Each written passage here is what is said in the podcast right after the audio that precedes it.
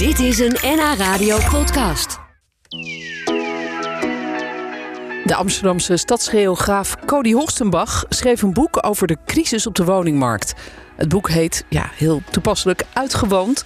En daarin beschrijft hij hoe het zo gekomen is dat koopwoningen onbetaalbaar zijn geworden. En dat de wachtlijsten voor sociale huurwoningen inmiddels eindeloos zijn. En dat er ook nog eens heel veel mensen dakloos zijn. Om een beeld te krijgen van de schrijver van zo'n boek, informeerde ik eerst hoe hij zelf eigenlijk woont. Ik woon in een uh, huurwoning van, van Eigen Haard. Dat is een woningcorporatie. Ja. En dat is wel uh, exemplarisch. Als ik vertel over die woning, dan zeggen de meeste mensen... ik betaal ongeveer 1100 euro per maand voor 67 vierkante meter. En dat vinden de meeste mensen inmiddels in Amsterdam... zeker binnen de ring, een hele goede deal. Ja. Want de belegger om de hoek die vraagt voor diezelfde woning... 1600, misschien zelfs 1700 euro per maand. Ik kijk er toch iets anders naar. Ik vind eigenlijk heel veel geld voor een woning uh, die 100 jaar geleden gebouwd is door een woningcorporatie met socialistische roots. Um, ja, met veel subsidie waarschijnlijk uh, van de subsidie. overheid. Een 100 jaar oude woning, die is al lang afbetaald.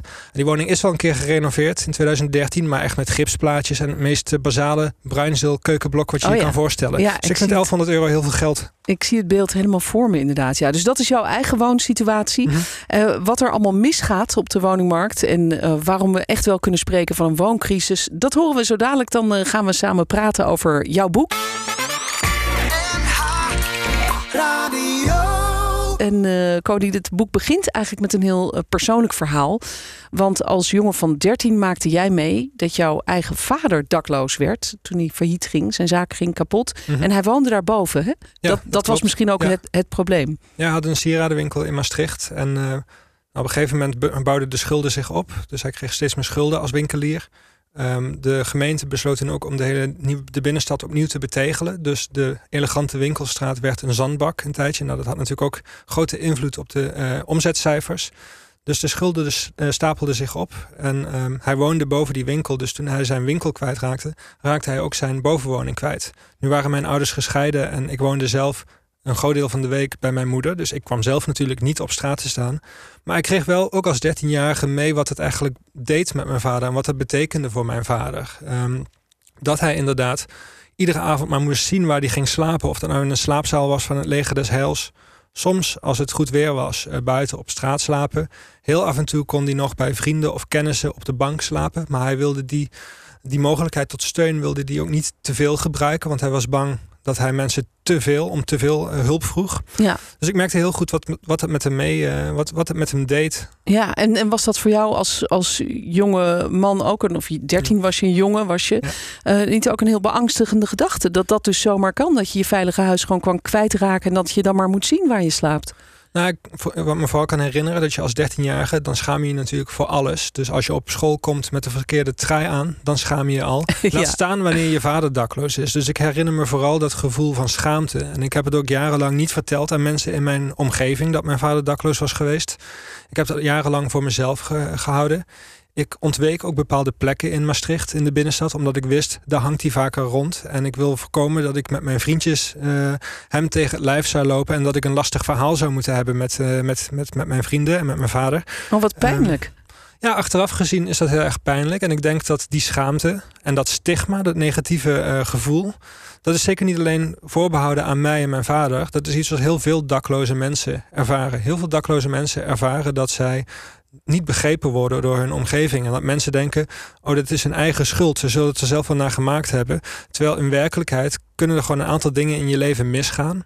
Waardoor je op, op straat komt te staan. Wat ik denk dat heel belangrijk is, is in Nederland is het aantal dakloze mensen de afgelopen tien jaar meer dan verdubbeld. Oh ja? Ja. Is het zoveel? Ja. ja. Want, want hoeveel, heb je die cijfers paraat? Hoeveel mensen zijn er op dit moment in Nederland die geen dak boven hun hoofd hebben?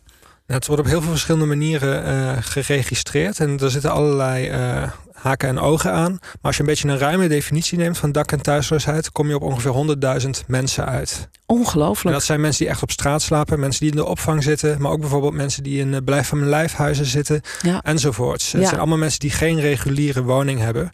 Uh, en dat is natuurlijk dat is, dat is twee keer de arena vol met mensen eigenlijk dat kun je bijna niet voorstellen, toch? Dat er zoveel mensen in, in het Nederland van nu mm -hmm. zijn die dus geen huis hebben. En daar zijn ook veel jongeren bij, hè, tegenwoordig.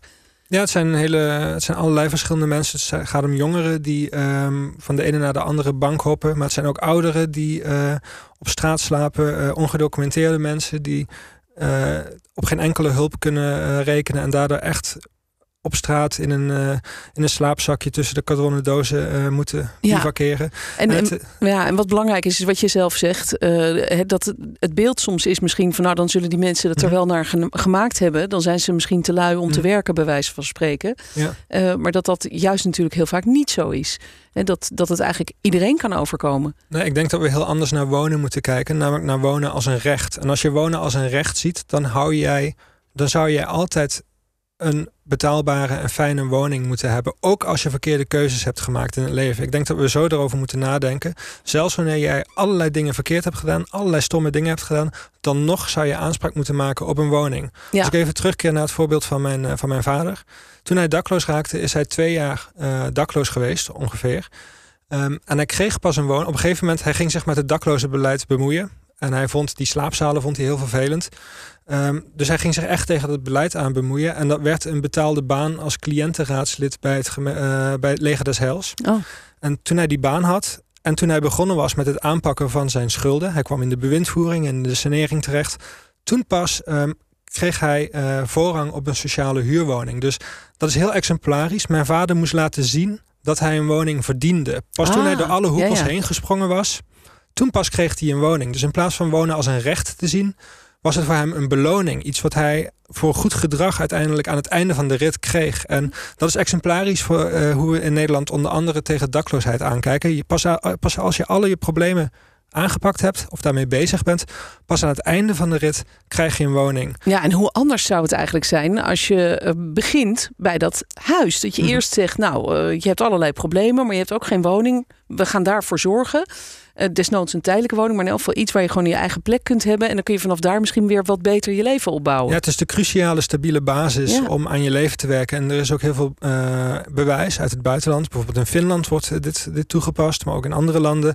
Daar zie je ook dat het gewoon heel goed werkt. Mensen die een woning als fijne basis hebben, als uh, zekere en veilige basis hebben, die slagen er veel beter in om andere problemen aan te pakken. En dat is denk ik cruciaal. En ik denk ook ik denk dat het een kwestie is van menswaardigheid. En ik denk dat het een kwestie is van solidariteit. Maar ook als je dat allemaal niks boeit en alleen maar naar uh, uh, de staatsuitgaven kijkt als belastingbetaler.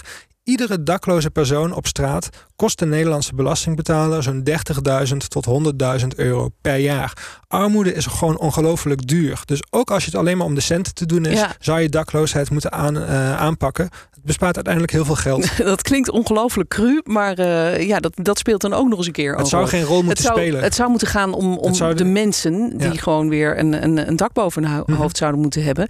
Uh, jouw boek gaat hierover, over de woningcrisis, maar gaat natuurlijk ook over uh, het, het nog bredere verhaal, namelijk mensen die niet dakloos zijn, maar die niet aan een passende woning kunnen komen. Die dus misschien wel ergens wonen, mhm. maar niet weg kunnen komen, omdat er gewoon geen betaalbare huurwoningen zijn. Nou, koopwoningen zijn helemaal al niet meer te betalen voor starters. Jongeren blijven massaal thuis wonen. Cody, jij zegt in je boek dat het eigenlijk niet zomaar zo gekomen is. Dat het geen toeval is dat we er zo slecht voor staan. Maar dat het gevolg is van politieke keuzes. Dat klinkt heel heftig. Kun je dat uitleggen in, in heel kort bestek, wat je daarmee bedoelt? Ja, veel mensen denken dat dit toeval is dat we in de wooncrisis beland zijn. Of dat het het onfortuinlijke gevolg is van een serie maatregelen die verkeerd uitgepakt hebben. Ik denk als je gewoon de beleidsdocumenten leest en kijkt wat politici gezegd hebben de afgelopen, nou, pak een beetje 30, 35 jaar. Um, dat dit de gevolgen zijn van heel doelbewust beleid, inderdaad. Een van die uh, aspecten van dat beleid was het doelbewust marginaliseren, het kopje kleiner maken van de volkshuisvesting. Nederland kon juist altijd buigen over een rijke traditie van volkshuisvesting. We hadden betaalbare huurwoningen van goede kwaliteit voor mensen met een laag inkomen en mensen met een middeninkomen. Het beleid van de afgelopen 30 jaar is er heel erg op gericht geweest om de huren te verhogen, om de beste sociale huurwoningen te verkopen uh, en eigenlijk ervoor te zorgen dat die volkshuisvesting, die sociale huursector steeds meer een laatste redmiddel is voor wie echt niet anders kan. En tegelijkertijd heeft het beleid heel erg um, de koopwoningmarkt aangejaagd. Het was heel erg het idee, je moet een woning kopen, want dan ben je echt goed bezig. Um, en tegelijkertijd heeft de, uh, de, de, overheid allerlei beleid gevoerd om de prijzen op te drijven op die koopwoningmarkt. Door Zoals wat? Nou, het kopen van een woning wordt in Nederland heel erg gesubsidieerd. Bijvoorbeeld via de hypotheekrenteaftrek. Ja, ja, um, ja. En tegelijkertijd wat je ook ziet is dat nergens anders, in geen enkel ander land, kun je zoveel geld lenen om een woning te kopen als in Nederland. Nou ja, wat gebeurt er als iedereen heel veel geld kan lenen eh, om een woning te kopen? Dan wordt het eigenlijk een beetje monopoliegeld. En dan ga je met uh, gigantische bedragen tegen elkaar opbieden. En betaal je steeds meer voor dezelfde woningen. Uh, ja. dezelfde woningen. En de rente is ook natuurlijk ongelooflijk laag. dat speelt er ook mee. Dat je dus een, een groot bedrag kunt lenen en daar heel weinig mhm. rente over betaalt. Mhm. Dat maakt natuurlijk ook nogal een verschil.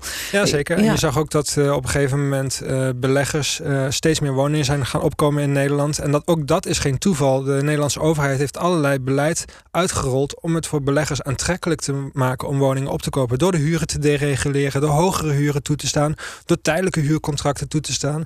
En bijvoorbeeld Stef Blok, onze uh, voormalige minister uh, voor Wonen, uh, ging in 2014, 2015 ging die de ene na de andere uh, vastgoedbeurs af om buitenlandse beleggers uh, te lokken naar Nederland. Kom woningen kopen, want uh, hier kun je winst behalen op onze sociale huurwoningen. Kun je lekker de huur verhogen, um, tel uit je winst. Nou, dat is eigenlijk heel schandalig. Want, eh, want we zitten nu zeker in Amsterdam. Ik weet niet of dat in de steden hieromheen ook het geval is. Met inderdaad heel veel woningen die zijn opgekocht door grote investeerders. Die, die eigenlijk niet zozeer het voor de huurders doen, maar gewoon voor de portemonnee.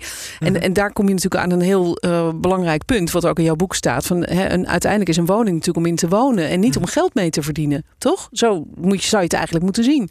Ik denk in ieder geval dat het, uh, het, wonen van, het bewonen van de woning, dat zou centraal moeten staan. En als iemand betaalbare woningen kan bouwen en daar een klein stukje rendement op weet te behalen, dan zou je nog kunnen zeggen van oké, dat is prima. Ja. Maar als iemand een betaalbare woning neemt, die voorheen misschien 500 euro per maand kostte, en die koopt die woning op en gaat die vervolgens diezelfde woning verhuren voor 1500 of 2000 euro per maand.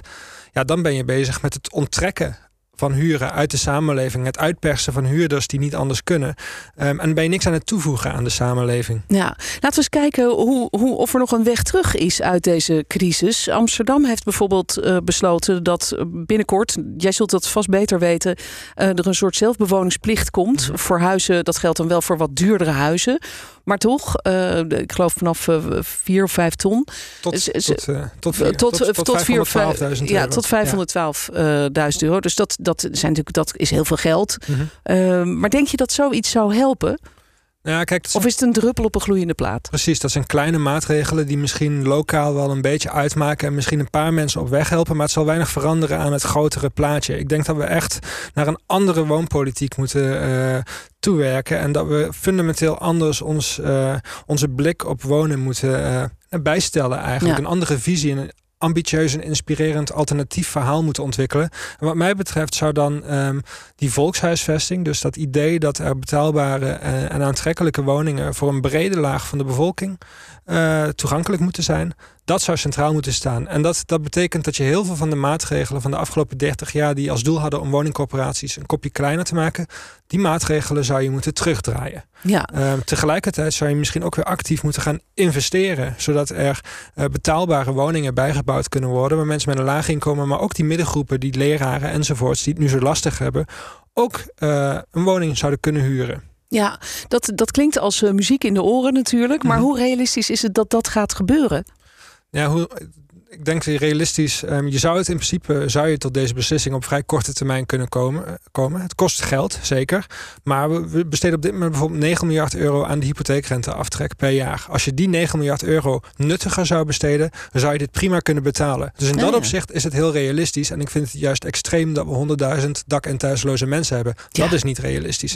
Tegelijkertijd, hoe realistisch is dit in de Tweede Kamer bijvoorbeeld? Nou, dat bedoel ik eigenlijk. Daar zie je dat er geen politieke meerderheid is voor een nee radicale omwenteling. Je ziet dat er een politieke meerderheid is voor het schaven aan het huidige beleid. Uh, kleine dingen worden getweakt, een aantal druppels op de gloeiende plaat worden ge, uh, geïntroduceerd. Maar echt een fundamentele verandering. Nee, daar is geen politieke meerderheid voor.